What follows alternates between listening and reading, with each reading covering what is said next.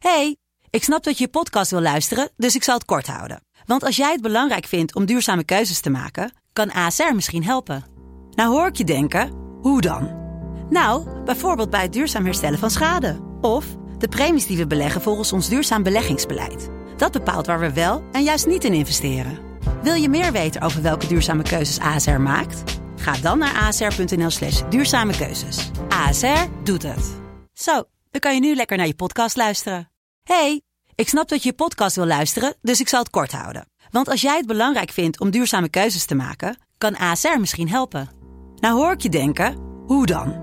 Nou, bijvoorbeeld bij het duurzaam herstellen van schade. Of de premies die we beleggen volgens ons duurzaam beleggingsbeleid. Dat bepaalt waar we wel en juist niet in investeren. Wil je meer weten over welke duurzame keuzes ASR maakt? Ga dan naar asr.nl slash duurzame keuzes. ASR doet het.